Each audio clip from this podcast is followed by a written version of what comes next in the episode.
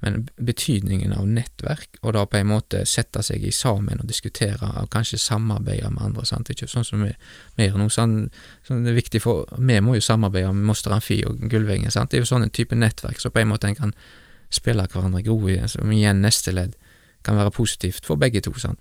Og da har Ateno vært for meg og for Moster Amfi en øyeåpner.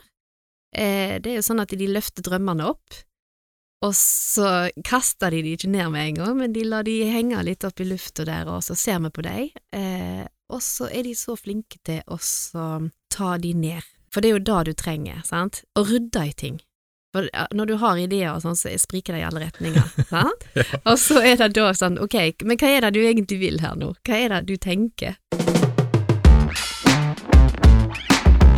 I dag lytter du til eh, Sunnhordlandpodden spesial. Denne episoden er laga for Ateno og er til alle som er opptatt av å framsnakke næringslivet i Sunnhordland.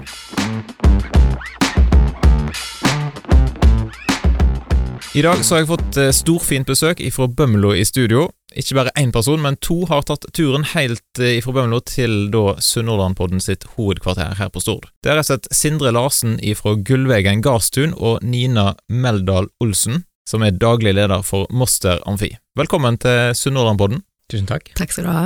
Yes. Og før vi snakker om eh, Moster Amfi og Gullvegen Garstun, så må jo de som lytter få bli litt eh, bedre kjent med dere. Så hvis du, Nina, skal presentere deg sjøl først, hva vil du si da? Nina Meldal Olsen, eh, nett nå, eh, er jo daglig leder i Moster Amfi og Kirkehistoriske senter på Moster.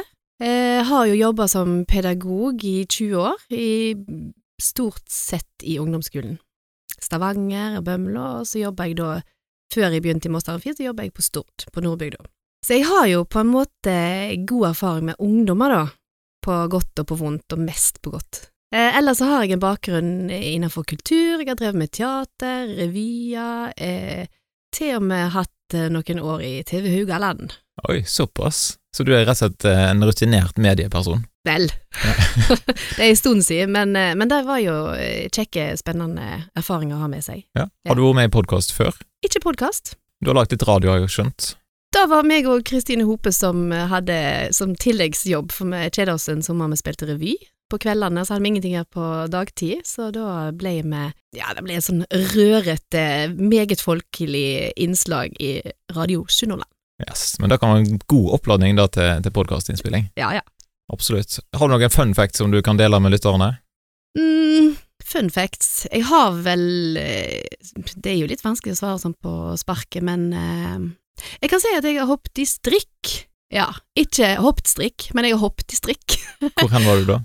Nei, da jobba jeg eh, Jeg har jo jobba da òg i restaurantbransjen og i barbransjen, og da jobba jeg på Sjøhuset eh, en sommer, mens jeg òg spilte revy på kvelden. og da hadde Da var det da parkert en sånn eh, strikk, eh, sånn der eh, krane, rett ut forbi Sjøhuset. Gikk jeg bort jeg var litt nysgjerrig, og så sier jeg Og så var det han Lille-Jon som var vakt, som sto der, og noen andre. Så skulle sende folk opp i den her kranen 60 meter opp, og så skulle du bare kaste deg ut. Og det er sånne ting som jeg ikke gjør. Og så var jeg litt tøff, for han sier du, skal ikke du, skal ikke du Dina, du kan jo være med opp i toppen der, og det er jo knalltøft. Nei, jeg skal på jobb. Eh, jeg, kunne jo alltids gjort det hvis ikke jeg skulle på jobb, så jeg må jo gå. Men du, jeg kan slippe deg først i køen. så visste jeg Ja, plutselig så var jeg på vei opp i ei korg, og da tenkte jeg hva skal jeg gjøre, skal jeg eh, hoppe, eller skal jeg gå ned med korga? Eh, jeg måtte hoppe, for det var jo så mye folk der nede. Så jeg hoppet ut og spurte han vil du bli duppa i sjøen. Nei, for jeg har vannskrekk. Jeg har litt vannskrekk. så det, var det er kanskje det som jeg har gjort som jeg der er. men, men for å si det sånn, eh, for en følelse etterpå. Jeg had, eh, altså, du blir konge. Stappfull av adrenalin, så jeg skjønner jo at folk gjør sånne ting. Eh, så det er en bitte liten fun fact, foreløpig. Altså, har jeg jo stalka deg på Instagram og syns det ser ut som du er rimelig glad i friluftsliv. Ja, jeg elsker topptur, ski og randonee og ja, eh, ski, eh, men så legger du jo på en måte bare ut eh, det derre kjekke tinga du gjør, da. Ikke at du ligger hjemme på sofaen og later deg og ser serie etter serie. så da skjer det òg? Ja. sånn er det. Over til deg da, Sindre Larsen. Hvem er du? Ja, jeg heter jo Sindre. Jeg er 32 år, blir 33 i mars, så jeg er, er jo oppvoksen og kom ifra Løkling, der jeg har vært så heldig å blitt oppvoksen i Gullgruvefeltet, så sånn sett ligger jo mye bak Gullvegen Gardsund-satsinga vår, og der har jeg hatt ei veldig fin oppvekst i, i trygge forhold, og vokst opp med småbruk og nærlek til sjø, og, og har egentlig hatt det veldig fint der. Jeg er utdanna teknisk tegner, så når jeg var ferdig utdanna, så jobba jeg i Wärtsilä fra 2010 til 2017. Så der har vel jeg hatt mine aller fleste arbeidsår, utenom selvfølgelig litt strøjobber rundt om i ungdomsalderen og litt sånn. Så, så da er jo sånn sett Altså, jeg er i lag med ei fantastisk flott eh, samboer som heter Runa. Hun er jo en av eh, hovedgrunnene til at vi hele jeg kan, jeg kan være med og gjøre dette, for det hadde ikke gått uten en god støttepartner og familie bak. Så, så summen av alt dette er jo på en måte gjør at jeg, jeg sitter her i dag og representerer Gullvegen Gardstun. Ja, Får du brukt dette med teknisk tegning eh, noe? Ja, lite grann. Du er jo en del kreative prosesser når du eh, skal tegne, og på en måte du tenker ut og du planlegger. Sant? Så på en måte her går det fra idé til skisse til realisering, sant? og det er, jo, det er jo da på en måte en teknisk tegner jeg jobber med. Og, så jeg har ikke så mye tegningsmessig, men, men jeg har jo tegnet litt på forskjellige ting, da. Hus, hytter, har jeg tenkt litt på. Men, men mest sannsynlig er det vel mest den kreative prosessen og liksom tankene med å legge det ned på et ark, og så på en måte ta det ut i realisering etterpå. Jeg har sett at du har ei fortid som fotballspiller litt. Grann. Ja, stemmer. Ja. Eh, jeg er veldig fotballinteressert. Det var min store drøm da jeg vokste opp, det var å bli fotballspiller og spille på Manchester United.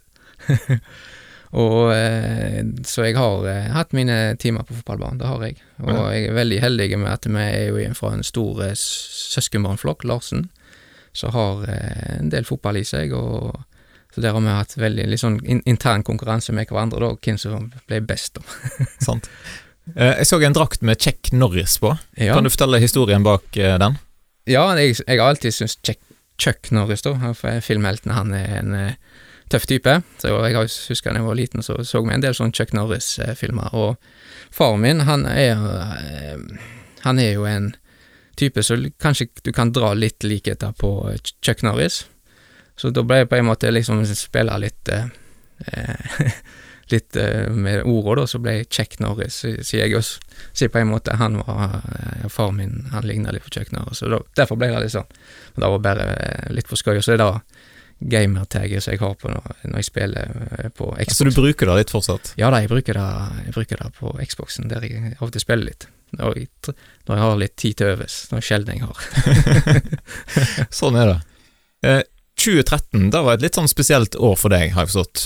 Hva var det som skjedde da? Ja, da på en måte eh, ble livet for min del satt i hvert fall eh, en liten bråstopp, da.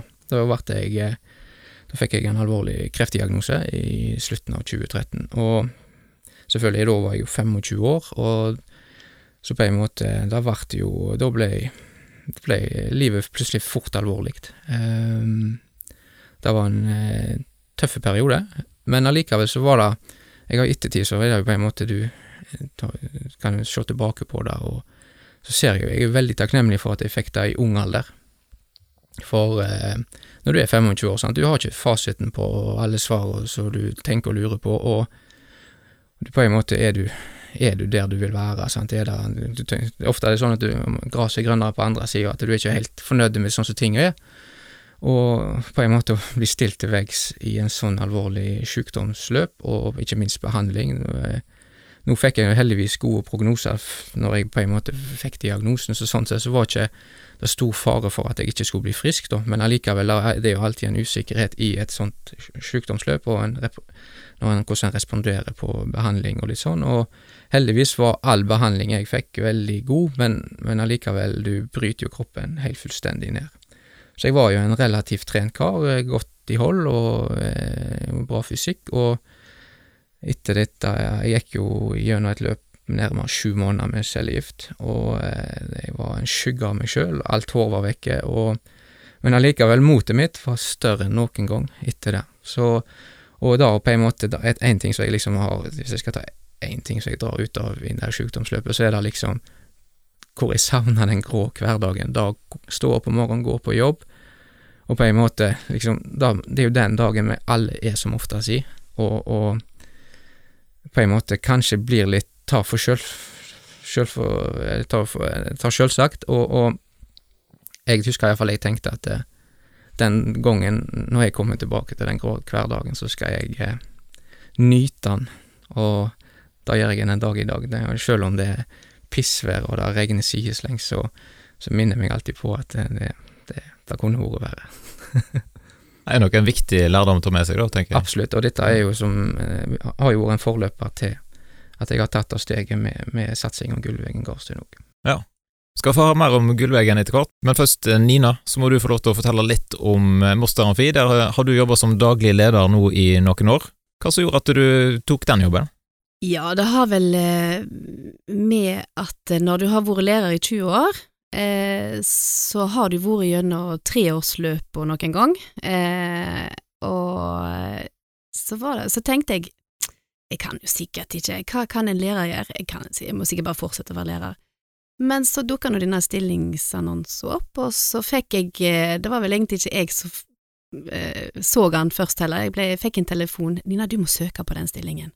Så jeg tenkte nei, hva i all verden, det er jo eh, men så så jeg da, de trengte eh, godt vertskap, de trengte en formidler, en pedagog, eh, de trengte eh, Altså, en måtte ha vite litt om økonomi, budsjett, og så, ja, og jobbe med prosjektutvikling, og jeg er ei prosjektdame, jeg elsker prosjekt.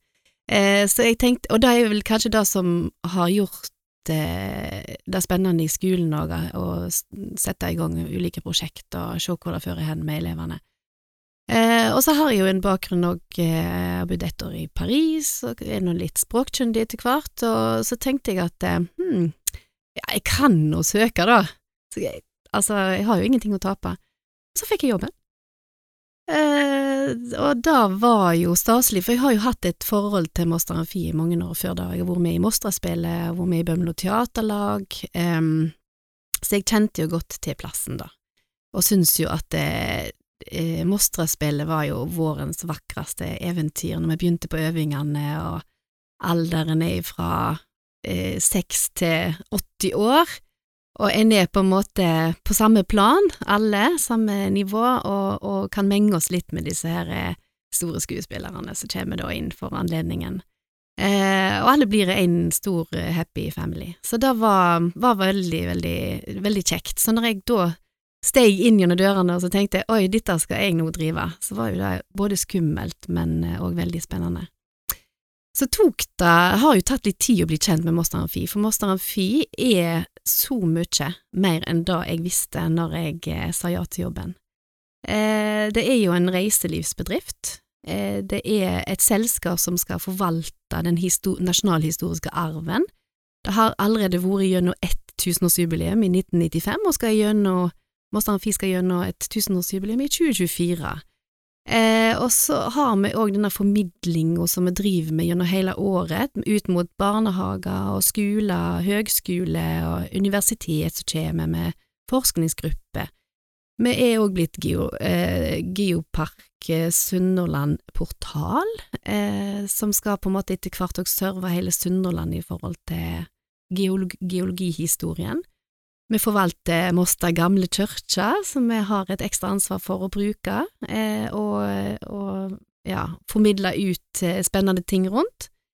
Eh, og så er det jo selskapsdrift eh, hele året. Eh, vi har egne arrangement med konserter og kunstutstillinger, og skoler som bruker oss, og kulturskolen på Bømlo som bruker oss i forhold til utstillinger og konserter, og ja, utekonserter, innekonserter, og så, så det er jo sånn at du kan jo bli litt ble litt matt da. Det er ganske masse ting du skal ha kontroll på. Veldig mye. Eh, så, så, jeg tenkte at eh, Ja, jeg, og jeg begynte jo da Jeg begynte 1. juli 2018, og da var det musikalen Evita som skulle opp eh, da tidlig i august. Så da fikk jeg to uker med ja, innføring, og så var det Nå er scenen din, liksom. så da, da var jeg veldig bratt læringskurve som har vart i noen år. Så det som vi har jobba med nå, eh, med disse fantastiske tilsatte som, som, er der i hverdagen Vi har eh, nå brukt noen år på å finne ut eh, hvor vil vi at Moster Amfi Hvem vil vi at Moster Amfi skal være? Hvor vil vi at eh, Moster Amfi skal gå? Eh, og har på en måte jobba med konseptutvikling og ny nettside i, i forhold til det billedlige, hvem vil vi være, og ja, så det er jo en utrolig kolossalt spennende jobb, eh, og ikke minst òg at vi går mot et nytt, eh, et nytt tusenårsjubileum. Det er ikke mange plasser i Norge at eh, en har to tusenårsjubileum som kan få lov til å være med på. Nei, sant. I sin levetid. Det skjer jo en veldig sånn fornying nå, da, av Moster Amfi, sånn som du var inne på, dere har tatt noen veivalg. Du må fortelle litt mer om hva er det som skjer, og hva vil det få bety for Moster Amfi framover? Ja, det som er, er jo at Moster Amfi er jo et anlegg fra 1995 som, som på en måte ble grunnlagt da. Eh, og så er det jo gjort veldig lite i forhold til fornying, så belysning og kjøkken og toalett og alt, alt dette er fra 1995. Eh, så kom jo koronaåret i fjor, og vi søkte jo midler både her og der, både til koronastøtte og til oppgradering og, og sånt, så året gikk med til det eh, mye, og så fikk vi midler til å oppgradere, så det vi holder på med nå er eh, at vi får et fletta nytt kjøkken på en ny plass. Eh, vi, skal, vi, har skifta, eller holder på å skifte all belysning innendørs i amfisalen, den vakre amfisalen som vi har, fjellsalen. Eh, eh, og så ikke minst så holder vi på å gjøre et uh, utrolig stort løft inn i den religionshistoriske utstillingen. Der, den er òg fra 1995, eh, og der har jo dette her lyd- og lyskortet Det brant opp en eh, for en stund siden, Såpass, for noen år siden før jeg begynte. sånn at eh, nå skal vi digitalisere lyd og lys der, og Mike McCurk, som er en tusenkunstner eh, på Moster, og egentlig kjent utover Moster òg, han eh, holder på nå å gjøre en del eh, store ting inni i utstillinga, og vi skal jobbe òg med den pedagogiske oppbyggingen, sånn at den er mer tilrettelagt for familier og unger, skal gjøre det litt spennende og konkretisere mer historie, den flotte historien som vi har. Ja, Når blir det klart? Ja, det er jo sånn at nå er jo alle inne på en gang av aktører, så det er jo sånn sant kaos, eh, veldig kjekt kaos. Eh, men eh, kjøkken blir ferdig i begynnelsen på mars, og belysningen blir ferdig i mars en gang. Men så har vi jo den eh, største eh, oppgraderingssaken, da, det er jo utstillinga. Den kommer til å gå nå fram til våren, ut, utgjennom på våren en gang, og så kommer vi da forhåpentligvis til å åpne sommersesongen med ei ny utstilling. At en skal se at her er det gjort ting, og her kan en kanskje oppdage nye ting og lære nye ting som en, eh, ja, en har gått glipp av tidligere. Ja, Så da er det bare til å booke seg inn liksom til sommeren. I hvert fall skrive det inn i planene for sommerferien at et aldri så lite besøk til Moster Amfi bør Jeg og i tenker det, blir, eh, det kan bli et veldig viktig reiselivsmål nå, for når vi skal reise lokalt nok en sommer. Vi hadde jo, vi så jo i fjor, vi hadde jo tre, vi tredobla eh, besøkstallet vårt i fjor. Eh, da hadde vi vandreteater, men da vi tenkte i starten vi må satse på familie. Hva skal familiene finne på når de skal være hjemme en hel sommer? Så vi hadde vandreteater som tilbud, vi lagde en egen familieguiderunde, eh, og så hadde vi vanlig guiderunde for eh, litt voksnere folk, og så hadde vi kulturløypa som vi promoterte, og vi hadde sommermarknad, så det var veldig mye som ble tilrettelagt ut mot familie, og det skal vi òg gjøre i sommer. Og så ikke minst så, så har vi jo da eh, Vi satser jo på vandreteater, men òg en ny utstilling som er mer eh, ut mot familie, og så kommer jo musikal i august. Så gleder jeg til det, rett og slett. Ja. Men vandreteater, det har jeg aldri sett. Hva er det for noe? I fjor så var det Bømlo Teater som hadde, eh, hadde ansvar for vandreteateret, og da tok de oss ti, tus, nei, tusen år tilbake i tid, eh, i vikingtida, og så lagde de en fortelling der de tok folk med seg opp på Vetahaugen, og der de møtte på ulike folk som hadde, hadde noe å fortelle, det var en hund som forsvant, eh, de tok inn disse sagna som finnes rundt omkring på området, og så kom de ned til, til bakken eh, vis-à-vis eh, gamle kirka, og der var det et slag, ungene hadde et sverdslag. Så det var på en måte at publikum gikk med skuespillerne. Høres jo veldig fint ut, da. Ja, veldig flott. Veldig flott.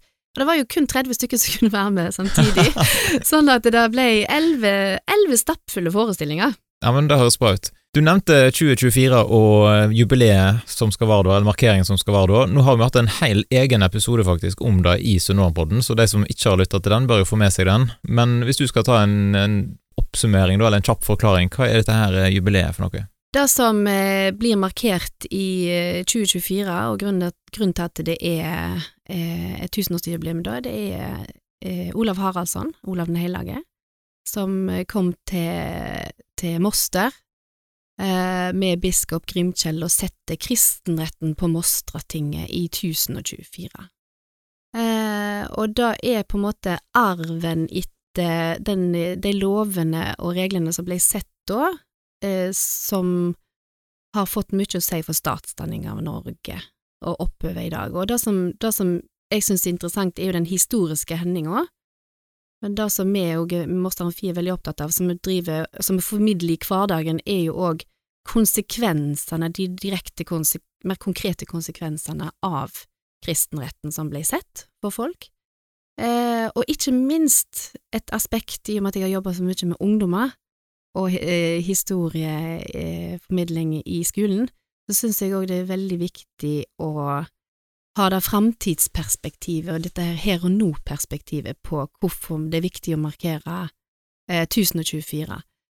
Og da tenker jeg at vi skal ikke gå så langt tilbake i tid for å se at det, det er mange land som eh, ja, på en måte har hatt solide demokratiske grunnmurer der de begynner å riste og eh, knake i dem, eh, og det er viktig for eh, den oppvoksende generasjonen å være veldig bevisst på hva som skjer ute i verden nå, spesielt i forhold til demokrati. Absolutt. Hva kommer dere til å gjøre i Moster Amfi framover, da, mot 2024? Eh, nå er vi begynt med å oppgradere eksisterende anlegg. Eh, med det, Altså, hvis vi skal være klar for å huse et eh, nasjonaljubileum i 2024, så må vi òg gjøre en del med, med det, det anlegget som er, med scene og med Kanskje må vi ha et nytt bygg for å kunne huse flere. Eh, vi må ha eh, så, så, fasilitetene må på en måte være i orden. Samtidig så har vi jo så mange samarbeidsprosjekt på gang i forhold til 2024, for jeg tenker at den Altså, 2024 kommer, det blir ei jubileumshelg, men den oppvarminga mot 2024 er vel så viktig, så det, eh, det skal jo være et jubileum der barn og unge er målgruppa òg. Eh, og da tenker jeg at, eh, og vi har jo allerede, vi jobber jo allerede med barn og unge og formidler denne historien, men, eh, og vi òg formidler òg kunstuttrykk og musikkuttrykk fra barn og unge, og det er viktig å holde fast på, men så tenker jeg samtidig at vi trenger òg å, vi trenger å ta opp tematikken, vi trenger å få mer faglitteratur på plass i forhold til den historiske hendinga, ikke minst òg så er vi jo forvalter av Gamlekirka, den skal jo skinne i 2024 i loft. Sånn at der er det en stor jobb å, å følge opp med, med NIKU og Fortidsminneforeningen som eier, så det, det, er veldig mye samarbeid, spennende samarbeid. Ja, Det er bra at du er glad i prosjekt. ja. Tenker jeg. Yes, hvordan, hvordan, jobber du da for å skape engasjement eh, knytta til Moster Amfi og det som skjer der? Ja, når jeg, eh, når jeg begynte, så tenkte jeg eh, at eh, oi, dette visste jeg ikke om Moster Amfi. Det må jo flere få vite, liksom, at vi har helårs-OP her, og at det er så mange innom ellers i året utenom på musikaler og, og sogespill. Eh, sånn at eh, det var jo en viktig ting å ta tak i, tenkte jeg da, sant. Eh, så sosiale medier er jo greit å bruke. Relativt viktig i dag. Ja, sant, det er veldig viktig i dag. Så Instagram og Facebook, men så var det òg det der med å finne seg sjøl.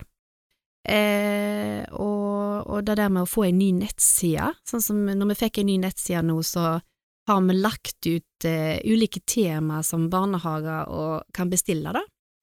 Eh, så i barnehagen så kan du bestille undretur for tre-fireåringer.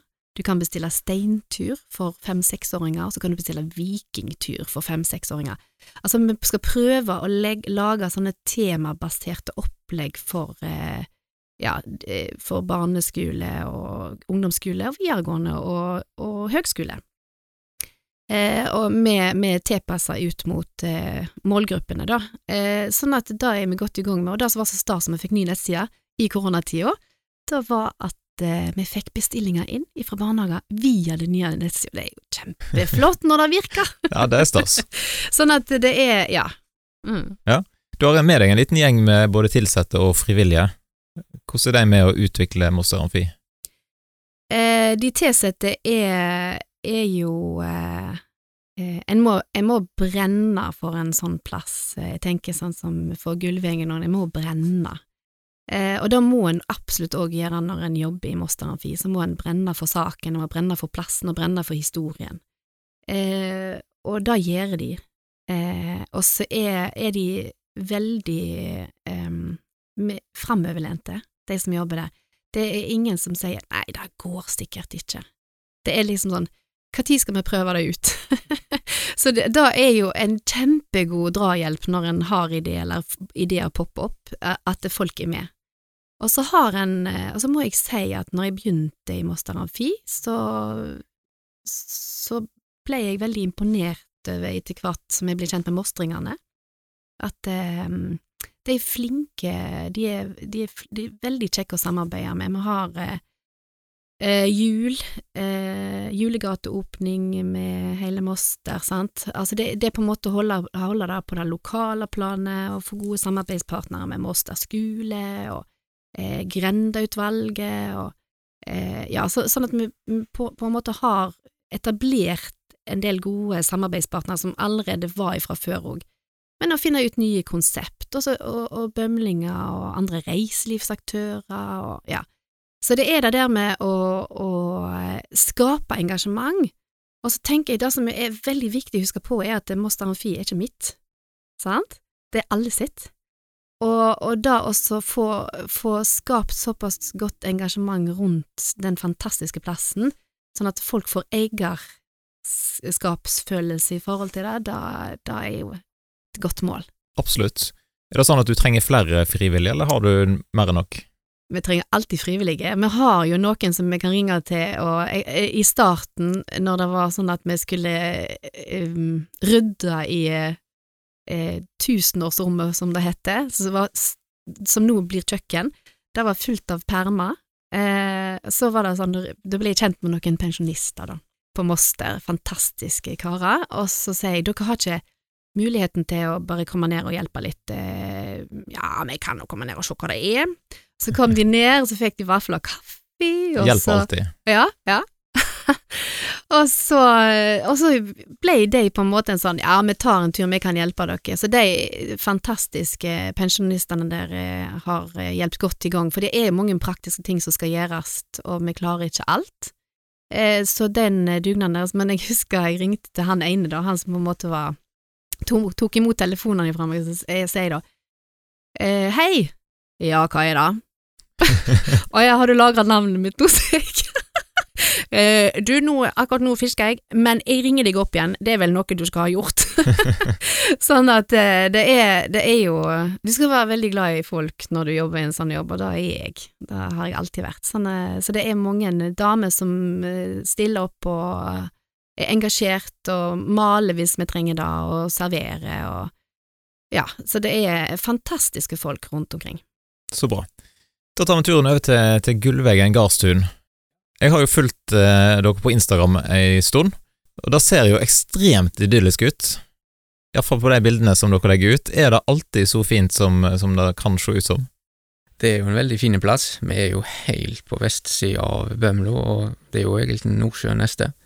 Så der har vi hele spekteret ifra mye ruska vær til fine dager, og selvfølgelig, når vi prøver jo å ta flotte bilder og vise plassen fra ei, ei fine side, så, så det er nok kanskje litt sånn eh, vi viser de flotte, flotteste sidene, men, men, det er en veldig fin plass, de som er der ute, så det, de som jeg vil anbefale, de som er nysgjerrige på, på gården hos oss, så er det bare å ta kontakt, så skal vi ordne ordne til en sammenkomst eller samling for de som ønsker det. Du må fortelle litt om bakgrunnen for at du og samboeren din, du nevnte Runa, ja. dere eh, satsa på Gullvegen gardstun. Ja, Hva var det som skjedde? Nei, det, det er jo litt sånn summen av mange ting. Eh, som sagt, jeg, jeg, jeg, jeg nevnte tidligere med kreftsykdommen, da på en måte var med å på en måte sette en litt sånn eh, hva si, fundament i meg, da, på en måte at eh, livet er eh, blir fort alvorlig, og de dagene en har her på, på, eh, den, på denne kloden, så er det må en prøve å nytte av så godt som mulig, og så på en måte det har jo vært en stor del for at jeg i hele tatt har tatt eh, i hop og satsa på dette. For, for å få til å lage et levebrød av en sånn type på heimegarden og i kulturhistorie, da, da må en, så å si, du må virkelig brenne for det for å få det til, og en, en god dash med idealisme og god hjelp. og men, men starten på det hele er jo egentlig oppveksten, at jeg har vokst opp med dette. Sant? At, eh, og jeg har hatt en far som har eh, har på mange måter jeg vært et stort forbilde for meg, med både det med landbruksdrift Jeg har jo med, med ungene Jeg er jo jo søskenflokk på tre brødre, og med somrene det var, det var ikke sånn at vi fikk ligge på strand og når det var slått, da måtte vi være med og ta inn gresset og hjelpe til når det trengs. Og selvfølgelig, akkurat når du var ung eller ungdom, så var det kanskje ikke akkurat da det kjekkeste en gjorde, når du andre kameratene dine var og bada eller var på i båt eller noe sånt, men, men allikevel så var det noe med det som på en måte har satt seg veldig godt i meg, da. Og en viktighet av da å være nær, nærhet til natur og dyr, og på en måte se det som sykluser som skjer i, rundt årstider, og ikke minst enda vi legger til rette, da, at en ivaretar både land og landbruk og dyr. og så det har vært veldig viktig for meg, og har egentlig fått det Og så ikke minst når jeg vok- vokste opp, så syns jeg alltid det var sabla kjekt med sånn prosjektveker der på en måte der du hadde dine egne Eller der en starta eget sånn firma, da, eller du hadde et sånt prosjekt der du hadde et selskap som du liksom drev.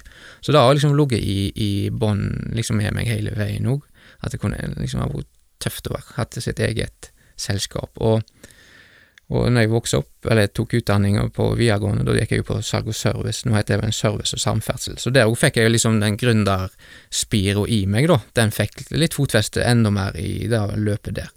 Eh, Så, men så selvfølgelig tok jeg litt annet veivalg når jeg var ferdig med videregående og tok teknisk tegnerutdanning, så, men allikevel så har det ligget i meg, og liksom nærheten til, til, til og så, Mens jeg jobba i Vertsela, så hadde jeg jo, drev jeg jo med dyr, jeg hadde sau, sauer- sauehold sjøl.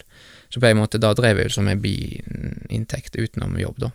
Så på en måte, jeg har alltid hatt interesse, og det har liksom alltid tenkt, tenk hvis jeg hadde klart å leve og lagd et levebrød og vært bonde, da hadde det vært en, da hadde vært en drøm. Og så underveis, når jeg, ja, når jeg jobba i Vertsela, så kom jeg inn på et, en, en, en sak som jeg leste om inn på tunet. Der jeg rett og slett bruker gården som ressurs mot eh, velferdstjenester, skole, oppvekst, eh, rusomsorg, psykisk helse eller eldreomsorg. Og så jeg tenkte at For jeg, jeg er veldig glad i mennesker, jeg, jeg, jeg bryr meg veldig om de rundt meg, jeg liker at folk rundt meg har det bra, og jeg, jeg, har, jeg har tro på at alle mennesker har en, har en kvalitet, men det er bare på en måte de må finne sin, sin måte å ha en trygg hverdag på, og det er ikke alle som på en måte treffer innenfor det normale A4-livet, og, og det er der jeg har tenkt at tenk hvis vi kunne brukt kanskje gården vår til en sånn setting, og lagt til rette for de som kanskje har et litt annet behov i hverdagen sin. Og, men da ble, det bare en sånn ønsketanke. Men så ble jeg jo sjuk, og selvfølgelig fikk jo den Gikk gjennom det løpet der og ble frisk. Og når jeg ble frisk, så var jeg jo litt sånn Da skulle jeg smake på alle fruktene som livet kunne komme med, og, og i det løpet der så var jeg traff jeg Runa. Så da ble det jo en, match uten like, for hun òg er jo egentlig har samme bakgrunn. Vi kommer fra et eh, småbruk oppe på en haug på Folderøy, og har egentlig Det er jo så å si, når jeg kom første gang jeg var der oppe, så var det nett så Wow, det er jo nett så på hjemme hos oss, dette. så meg og hun har jo virkelig hatt den samme oppveksten og litt samme verdiene, og hun har jo veldig interesse av å drive med, og drevet med hjulpet foreldre sine òg under oppveksten. og så på en måte, da òg ble jo en, på en måte et stort ledd på at vi kunne satse dette. Og, men så ble det jo i 2017 så var det jo en nedbemanningsprosess. Jeg hadde vært gjennom to tidligere, så dette var den tredje nedbemanningsprosessen som var i Vertsela. Det var jo ned, ned, nedgangstid i, i det maritime markedet på den tida. Og, og da ble det dessverre er min tur med en del andre i Vertsila, og da på en måte ble jeg litt sånn, hva gjør jeg nå? og da satt jeg og tenkte litt, hm, jeg har jo veldig lyst til å lage et levebrød av eh, garden, med den historien som er der, altså dette er jo i gullgruveområdet, og ikke minst har jeg jo vokst opp med far min som drev jo, han bygde jo opp en gullvaskeleir på 90-tallet, så han drev og, og um, hadde mot reiseliv og, og, og grupper, leirskoler og skoleklasser og sånn, og jeg var jo mye med og hjalp han, jeg syntes det var sabla kjekt og spennende, så liksom den, den skattejakta da, være med og, og ha gullgraving, og så liksom ha med den, den der kulturhistorien og det området som er der, for dette er Norges største her var Norges største gullgruveindustri, så der de utvant, eller tok ut gull, da. Og da historien på en måte har, har jeg, for, jeg, mener fortjener å bli løfta mer opp og frem enn det er i dag. Og alt dette ligger jo i området her, og altså, da, da var liksom mange eh, baller i lufta som jeg hadde, da, tanker, så da rett og slett eh, var det en mulighet for at jeg, eh, kom i dialog med Athene, Ole Jakob og Nina, og en eh, og da spurte jeg om jeg kunne komme innom og ta en prat med dem, og da kom jeg bare med et ark med drodla tanker, og hva bakgrunn vi hadde, hva muligheter, og da ble jo bare på en måte starten på, eh, på Gullveggen Garstuen-satsinga i 2017. Da. Så for meg, jeg, jeg er kjempeglad for at jeg mista jobben. for eh, det var kanskje det spark, spark i ræva jeg trong for å komme i gang, men noe jeg virkelig hadde virkelig hadde lyst til, så jeg, jeg, vi er jo ikke i mål om å få det til helt ennå, men, vi er på et løp, og, og, så, og i lag med så var vi veldig heldige. Ateno syntes jo dette var et kjempespennende prosjekt, og har jo hatt dem med på laget. Vi har vært heldige vært inkubatorbedrift eh, i siden 2017 og fram til nå 2020, og så har vi nå utvikla gården, og vi er jo da blitt godkjent som Bømlo kommune sin første eh, Impotune-gard.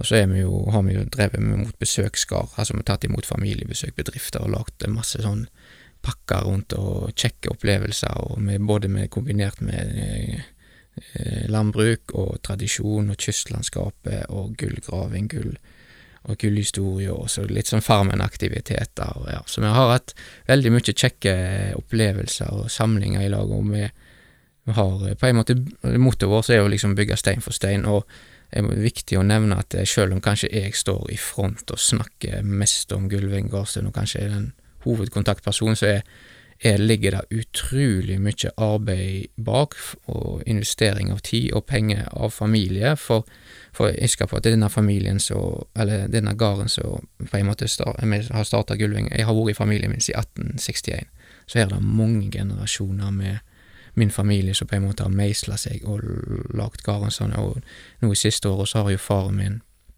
De har jo vært med på dette, denne reisa på Gulving, og de har lagt mye tid og penger og investeringer i å tilrettelegge gården sånn som den er i dag, da. Og det har egentlig vært Og det har vært utrolig kjekt òg, at vi kunne på en måte, sjøl om kanskje vi står i front, meg og Runa, så har vi på en måte hatt som fellesskap, vi har samarbeida, liksom, hatt familie og venner, og på en måte jobba i lag og hatt en ja, utrolig mye kjekt å utvikle gården for, for, for, det, ja. Det er veldig kjekt å gå inn på nettsiden deres og lese om den historien, og der ja. ligger det ute liksom helt tilbake igjen ifra, sånn som du sa, 18 ja. et eller annet. Ja, 1861. Så da, da, anbefaler jo folk å gjøre, stikke inn og, og, lese litt der, for det er masse god historie.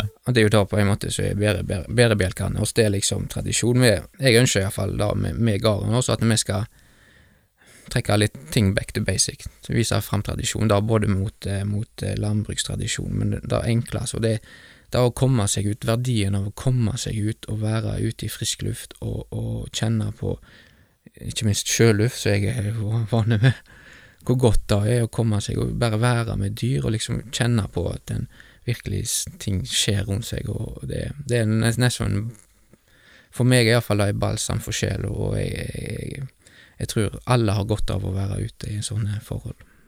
Absolutt. Du nevnte da at Gullvegen Gullveggen Gardsund, dere har blitt den eh, første og eneste til nå eh, godkjente sånn inn på tunet-gard på, på Bømlo kommune. Stemmer. Hva betyr det i praksis i dag? i dag altså, Det er jo veldig stolt over at det ligger utrolig mye arbeid, for eh, du skal jo eh, gå gjennom en godkjenningsprosess, og der har det vært mye arbeid, på en måte. Der er det et, eh, et eh, nasjonalt eh, Matmerk Norge som på en måte kvalitetsordning i, landbruks, i, i Landbruksdirektoratet eller i Norge, da. Så, så de som på en måte godkjenner tunegardene i Norge. Så der har det ligget en del arbeid. Vi begynte jo i 2017 og ble godkjent i 2019, så egentlig så har vi nesten gått en toårsperiode, da på en måte å klarlegge gården både med lokaliteter, og, og så ikke minst har vi bygd opp eh, HMS-plan, beredskapsplaner er jo mye sånn fra scratch, det har vært tungt, tungt arbeid, men allikevel viktig arbeid. Men allikevel når du sitter og jobber med det, så men, så nå er vi blitt eh, Bømlos kommune sin første importuniger. Vi er i dialog med, med, med, med, aktører, så vi håper vi skal på en måte For, for behovet er der. Det er mange som har et eh, uforløst potensial i hverdagen sin, og å komme ut og da være med dyr, altså på en måte Da er jo forska på at eh, de, de som har sliter litt med på en måte relasjoner med mennesker. Der er på en måte kan være relasjonstrening å være med dyr, for dyr reagerer instinktivt. De, på en måte er du rolig, så er dyr rolige med deg. Er du breial og høglytt og, og, og, lager mye eh, lyd, da blir dyr sånn, så på en måte det enorm trening i dag for de som kanskje kan ha det behovet. Så det er så mange elementer i Inn på tunet så, en kan trekke ut, og ikke minst tilpasse den hver enkelte, for det er det som er viktig. Sant? For eh, om én liker å snekre, så er det ikke sikkert nestemann liker det. Sant? Så da kan det være kanskje da å være i mat av dyr, eller, sant? Det, er så, det er så bredt spekter det en kan gjøre på gården hos oss, alt ifra snekring til mating av dyr, landskapspleie, og ikke minst at vi skal ivareta ei kulturhistorie med gullgruvene og et kystlandskap, hav. Sant? Så her er det på en måte Jeg er ganske sikker på at de som kommer til oss, vi skal finne noe som de syns er virkelig kjekt. Yes. Men det var ikke nok med én gard, dere har kjøpt én til, har jeg forstått? ja. Dere, nabogården ja, ble kjøpt i 2020? Ja, det gjorde vi. Det kom litt ut av det blå, det må jeg bare innrømme, for eh, planen var jo at vi, vi skulle jo overta Eh, den gården som jeg vokste opp på. Eh, men plutselig så, eh, litt ut av det blå, som sagt, så kom muligheten til For denne nabogården, det er jo den som på en måte med, Der som jeg vokste opp, da er liksom i den sørligste delen av gullgruvefeltet. Mens denne gården, den eier så å si resten av hele der, der gullgruve... Hva si Der gullgruveindustrien utspant seg da på slutten av 1800-tallet. Og og der nede, dette ligger egentlig sprer seg helt ned fra Løklingfjorden og sjøen, og inn, opp gjennom mot Gullgruveområdet, og der ligger det et fantastisk flott tun nede med Løklingfjorden, og der er det et, eh, det er et skikkelig kulturminne, for der, der bodde jo grunneieren under gullgruvetida, så han ble jo en mann som, iallfall som jeg sagt, var en velstående mann. Så han hadde tjenestefolk som bodde i et uthus i, i det gårdstunet, og, og, og, så der dette er et, en skikkelig spesiell eiendom, og, og geologien står sterkt på denne eiendommen. Du har gullgruveområdet og gullgruveindustrien, men òg så ligger det et klebersteinbrudd på denne eiendommen. Så har vært òg en veldig viktig aktør, og ikke minst med tanke på utvikling av Geopark Sunnhordland, så eh, på en måte vi vil nok mest sannsynlig bli en stor aktør for, eh, med tanke på at vi har disse to sitene, da.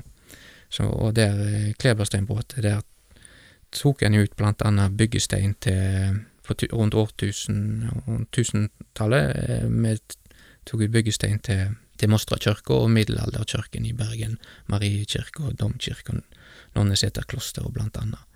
Så det gjør òg ei ganske utrolig sånn geologisk spennende historie som vi har veldig lyst til å pakke inn, da. Men når det er sagt, når vi fikk muligheten å kjøpe denne eiendommen, så var det liksom denne, Dette må vi bare hive oss på, for dette passer med hånd i hanske. For nå har vi muligheten til å sy dem sammen med å bruke sjøveien òg. Her er det ei utrolig flotte sjølinjer med denne eiendommen, og vi vil da se på muligheten til å lage en form for anløp med, med, med båt, og sånn at vi kunne sy dem sammen. Og dette her tunet var det òg en handelsstand under gull, gullgruvetida, for der var det hotell, og så var det eh, var det kranbu i kjelleren av landhandel, og så var det bakeri, et bygg bort forbi. Så her var liksom, liksom sentrum på Løkling under gullgruvetida. Så her står mye historie, og som vi har veldig lyst til å pakke sammen med en allerede påbegynt satsing. Så dette på en måte Gullveng Gardstuen-satsinga blir bare litt større. Ikke bare litt, høres det ut som. da. Nei, Du kan sikkert snart kalle deg storbonde eller noe sånt. Er det? Ja, jeg vet ikke hva jeg skal kalle meg, men jeg har iallfall kjempetro på det, og dette var en mulighet som vi virkelig eh, har tro på, og vi har jo selvfølgelig støtt, støtt oss på litt dialog med Ateno, og, og det, som, som sagt, dette var en mulighet som vi er veldig takknemlige for, og så det er viktig å nevne at denne eiendommen har familien min eh, med, det, var fastboende helt fram til 1971, og, og siden den tid så har familien min pakta denne eiendommen, altså på en måte så vi var veldig, veldig heldige at vi, og takknemlige for at vi fikk muligheten å kjøpe den, for dette, dette er en game changer for oss til å kunne kanskje løfte Gullveggen Garsten-satsinga til kanskje et nivå som vi kanskje ikke hadde klart utenom. Vi må fortelle litt om eh, måte, da, reiselivssatsingen som dere nå gjør framover i Mm. 2021. Mm. hvor unikt håper dere at dette skal bli? Ja, det er jo på en måte, vi har jo som sagt, vi bygger litt stein for stein, og, og vi har jo påbegynt eh, satsing og på en måte tenkt at vi skal bygge oss litt større og litt større etter hvert, eh, hvert år. Og 2019 på en måte, og det var første for de to første årene, 2017-2018, på en måte brukte vi mest til å klargjøre gården og få liksom tilrettelagt ting, og vi hadde litt besøk på 2018, men, men 2019 var på en måte første sesongen vi hadde liksom en full sesong da, og det var storinnrykk på, på gården når vi hadde spesielt åpne gardsdager. Da var det på den meste dagen så var vi 500 på gården, og det er, det er ganske bra. Det går ikke i dag, da, for å si det sånn. men- Nei, det hadde ikke gått. Og det ble jo selvfølgelig en hovedgrunn til at 2020 ble jo litt utfordrende, for vi drev jo på en måte eh, basert litt på litt større eh, antall som kom på besøk, da. Og bærekraften i dag øh, funka jo ikke nå som er nå. Så nå ser vi jo litt andre leier, da. Eh, Og 2020 ble jo et utfordrende år. Vi, vi fikk nok ikke helt eh, det besøkstallet som vi, for, Basert på 2019 så hadde vi så for oss at vi skulle doble omsetning og doble besøkstall, for vi hadde eh, ja, rett rundt eh, 2000 besøkende i sommeren 20, eh, 2019. Så det jo, ga jo et grunnlag for oss at dette virkelig Og fikk et, vi fikk et godt renommé, folk trivdes og syntes det var et kjempetilbud. Og, eh, så vi hadde jo håpet at 2020 skulle bli et, eh, et kjempebra for oss, men så kom jo koronaen og satte ting på vent. Og det som var mest utfordrende, syns jeg var jo mest at vi visste ikke. Det var liksom sånn eh, Plutselig så var det oppe. Sant? Du, du ante at det kunne skje, men så, så skulle du lande på en løsning så på en måte du følte deg vel med, og, og du visste ikke eh, konsekvensene. Sant? Det var så mange usikre faktorer oppi her at vi at vi landa på Vi lagde et arrangement som vi kalte Bonde og gullgraver for en dag. Og da på en måte da kunne du eh, leie gården, og, og da var jo rett og slett Du har farmekonkurranser, du gullgraving, så på en måte du hadde gården med, med gruppe opp til 30, da, så du hadde Så det var et kjempe, kjempetilbud, og folk Det var jo flere som brukte det, men, men vi kom jo aldri opp i det besøksantallet når på en måte det ble sånn. Så for oss ble jo eh, 2020 en mer en, en, en eh, en, eh, hva skal jeg si, byggeklosser, erfaring, og tenke liksom eh, eh, hvordan bærekraften er, for vi må jo tenke potensialet, men òg selvfølgelig se utfordringene, worst case scenario. Og underveis, hele veien, så har, når vi begynte utvikling og, eh, i 2017, så har jo jeg alltid hatt en drøm om å få et overnattingskonsept, vi komplementerer reiselivssatsingen vår. Det er liksom mat, opplevelse, aktiviteter, kulturformidling, historieformidling, og så på en måte få overnatting inn. Og eh, da eh, har jo dette noe med i dialog med har, de har jo kjempetro på dette konseptet. Og da jeg spilte jo ideen stormhytter allerede inn i tidlig fase. Og eh, Men det har vært da liksom sånn litt da litt mer kostnads... Eh, altså det er helt annet investeringsbilde på sånne type satsinger, da. Hva er stormhytter for noe? Nei, da egentlig Altså, tanken var rett og slett at vi skal prøve å selge dårlig vær. Ja. altså, Det høres lurt ut. Ja, for da er det noe vi har, så er det det. Så det var liksom tenken, og da på en måte har jeg, Der har jeg på en måte ligget Vi har egentlig ligget ruga på denne ideen i flere år nå, og, men sånn som 2020 ble, eh, og reiselivstrendene viste seg, òg er at, det- at det- det var på en måte der folk trakk seg til. Liksom der de på en måte Dette er en unike, spesielle eh, Om det var eh, eh, fjelltopp, eller var sånt, men at du lager en og nå er, har vi etablert et nytt selskap som heter Gullveggen Stormhytter AS, og vi har påbegynt en, en, eh, en plan og søknader om å, å få, få eh, rett og slett sette opp eh, stormhytter, da. Så vi skal, hvis alt går etter planen, så håper vi at vi kan få det til allerede denne, denne sesongen.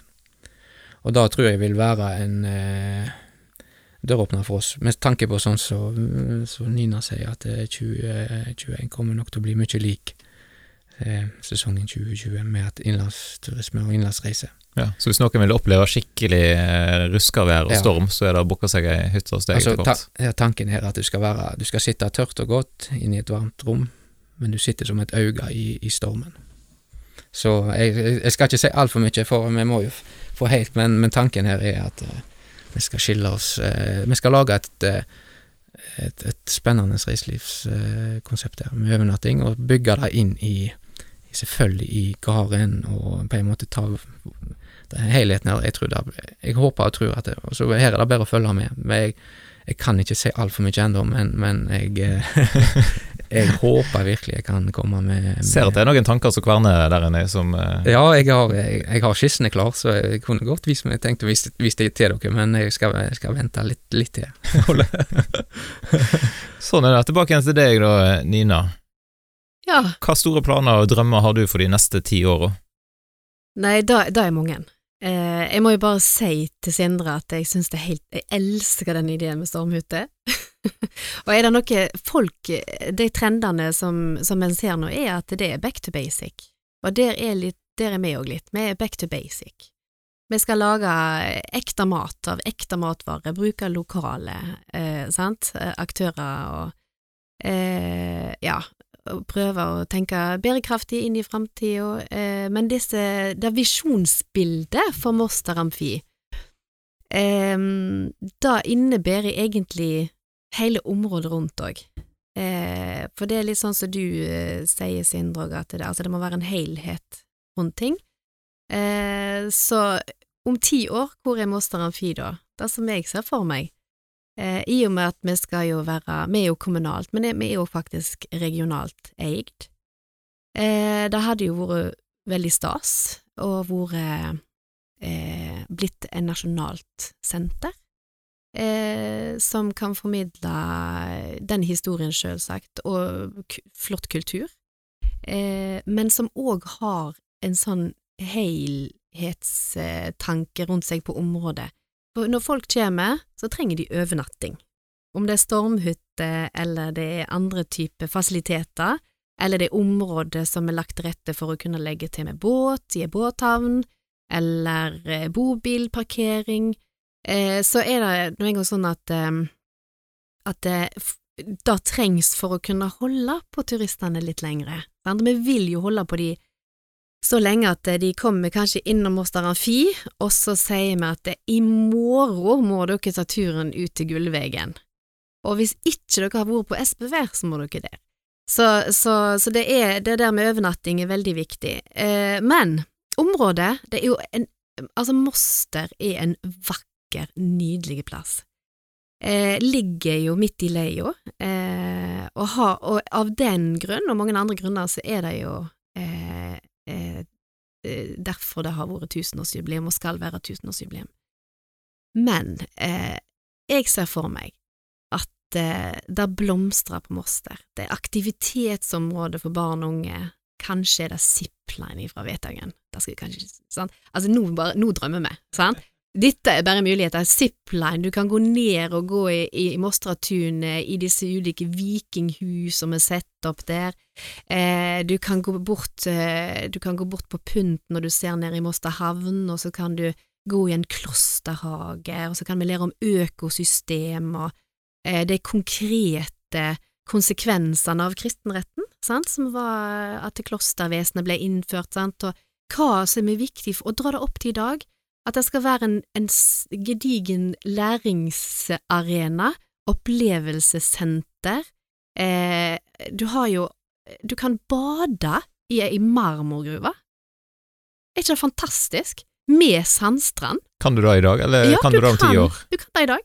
Ja, sant? Veldig godt gjemt. Så, eh, så flere eh, lokale eller eh, regionale folk, da, turister, eh, de fant ut at på Moster kan vi være en dag.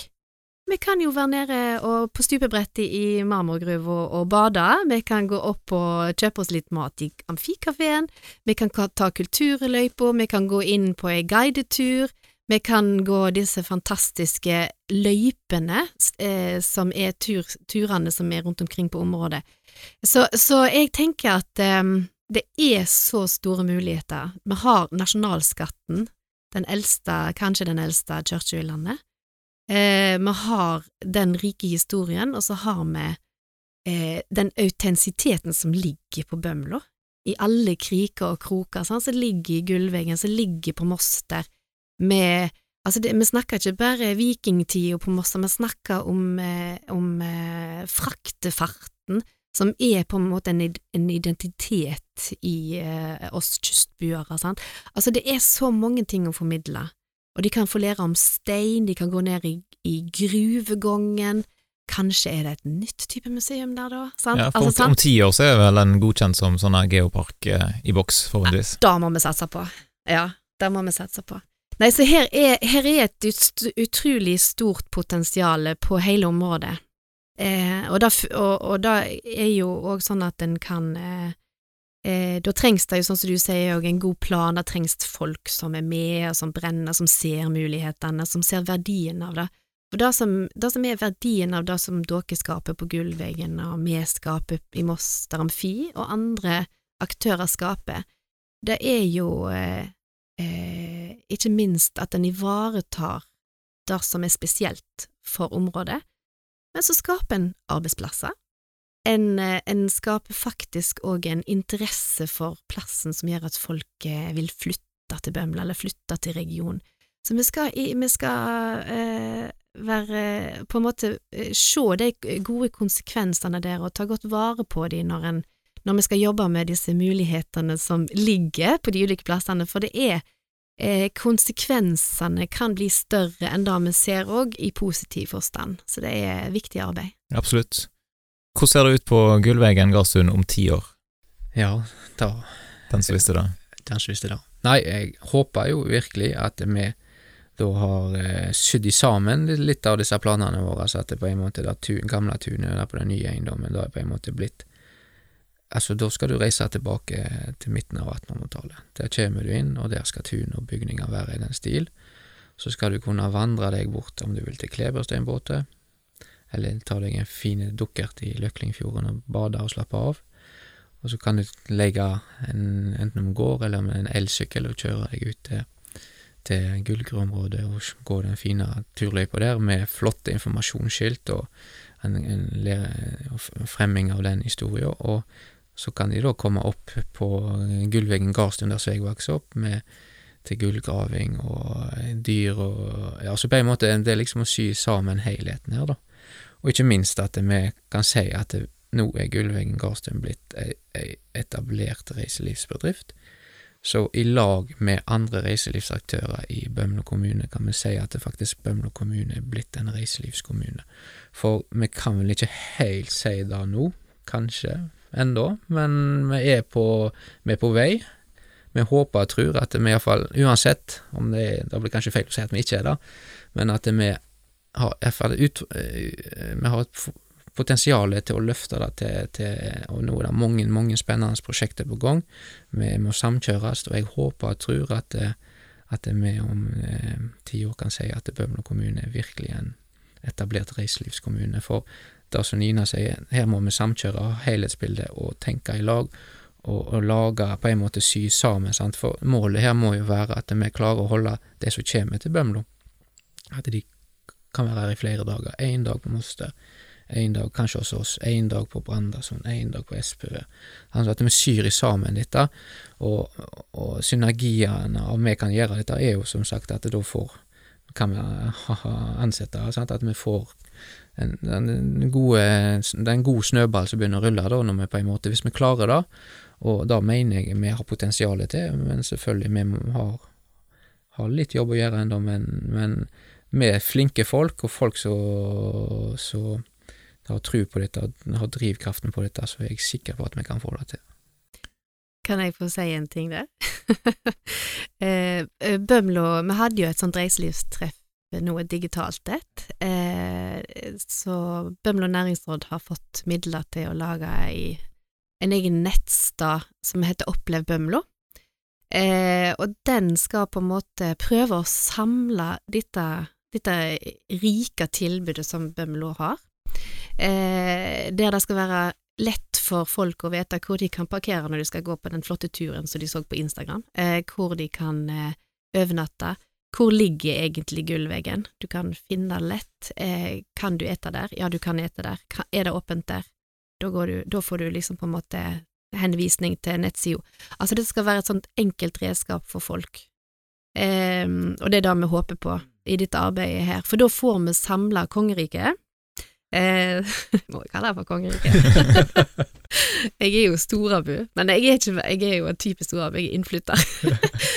eh, ja, eh, bømling og bergenser. Men, men vi, vi, kan kalle det for det. Eh, så tenker jeg at det da da vil være mye Det vil hjelpe på eh, det der med å være bevisst på hva hverandre gjør, sant. Mm. For hvis ikke Sindre forteller om stormhyttene nå, sant, og og ikke Longevåg Bygdatun sier at de har litt lyst til å ha en utstilling om eh, steinalderen til sommeren, sant, og ikke eh, de i Brandasundet, Våge i Brandasundet, eh, vi ikke vet at han har disse kule hav, eh, havbåtene sine som vi kan eh, kjøre full fart. Altså det er jo det der med å være klar over hverandre, og være stolt over hverandre, eh, og framsnakke mm. og sende videre, og da, der tror jeg vi er på god vei. På god ja. vei. Ja, ja, absolutt. For det er, en, det er veldig sånn eh, god kraft i bømlingene, altså. Da skal, ja, uten tvil. Og eh, det, det som Nina sier, jo at det, det er den, den portalen, sant, at det,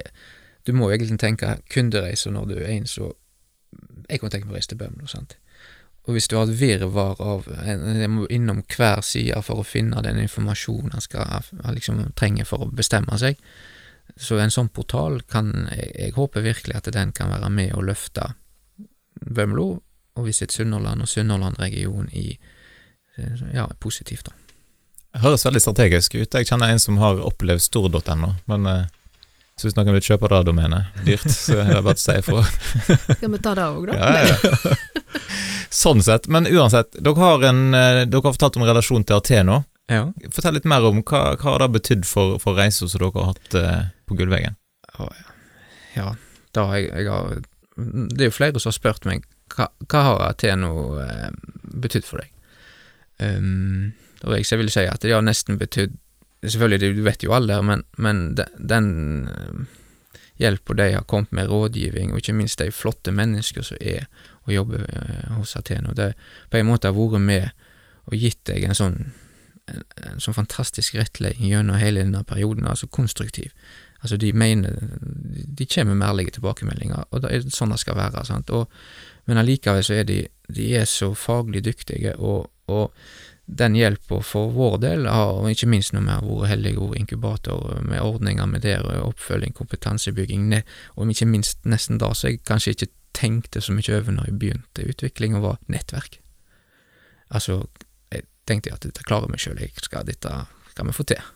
Men betydningen av nettverk, og da på en måte sette seg i sammen og diskutere, og kanskje samarbeide med andre, sant, ikke sånn som vi, gjør nå, sånn, sånn det er viktig for, vi må jo samarbeide med Moster Amfi og Gullveggen, sant, det er jo sånn en type nettverk, så på en måte en kan spille hverandre gode, som igjen neste ledd kan være positivt for begge to, sant, så, så her er det liksom nettverk, og, og Ateno er så er helt uvurderlig god hjelp, og jeg er så takknemlig for at jeg har fått muligheten til å, å være en del av deres eh, gjeng på Varbakken. For det, det, er jo nesten sånn jeg, selv om de på en måte er mine rådgivere og, og eh, rettledere, så har jeg nesten følt de mer som mine kollegaer under denne perioden. Så, og når du på en måte sitter mye alene og jobber eh, litt for deg sjøl på en haug ute på vestkysten på Bømlo, så, så, er det veldig greit å kunne ha noen å spare med, prate, prate med. Og så Ateno er Går du med en gründeridé i magen, og du lurer på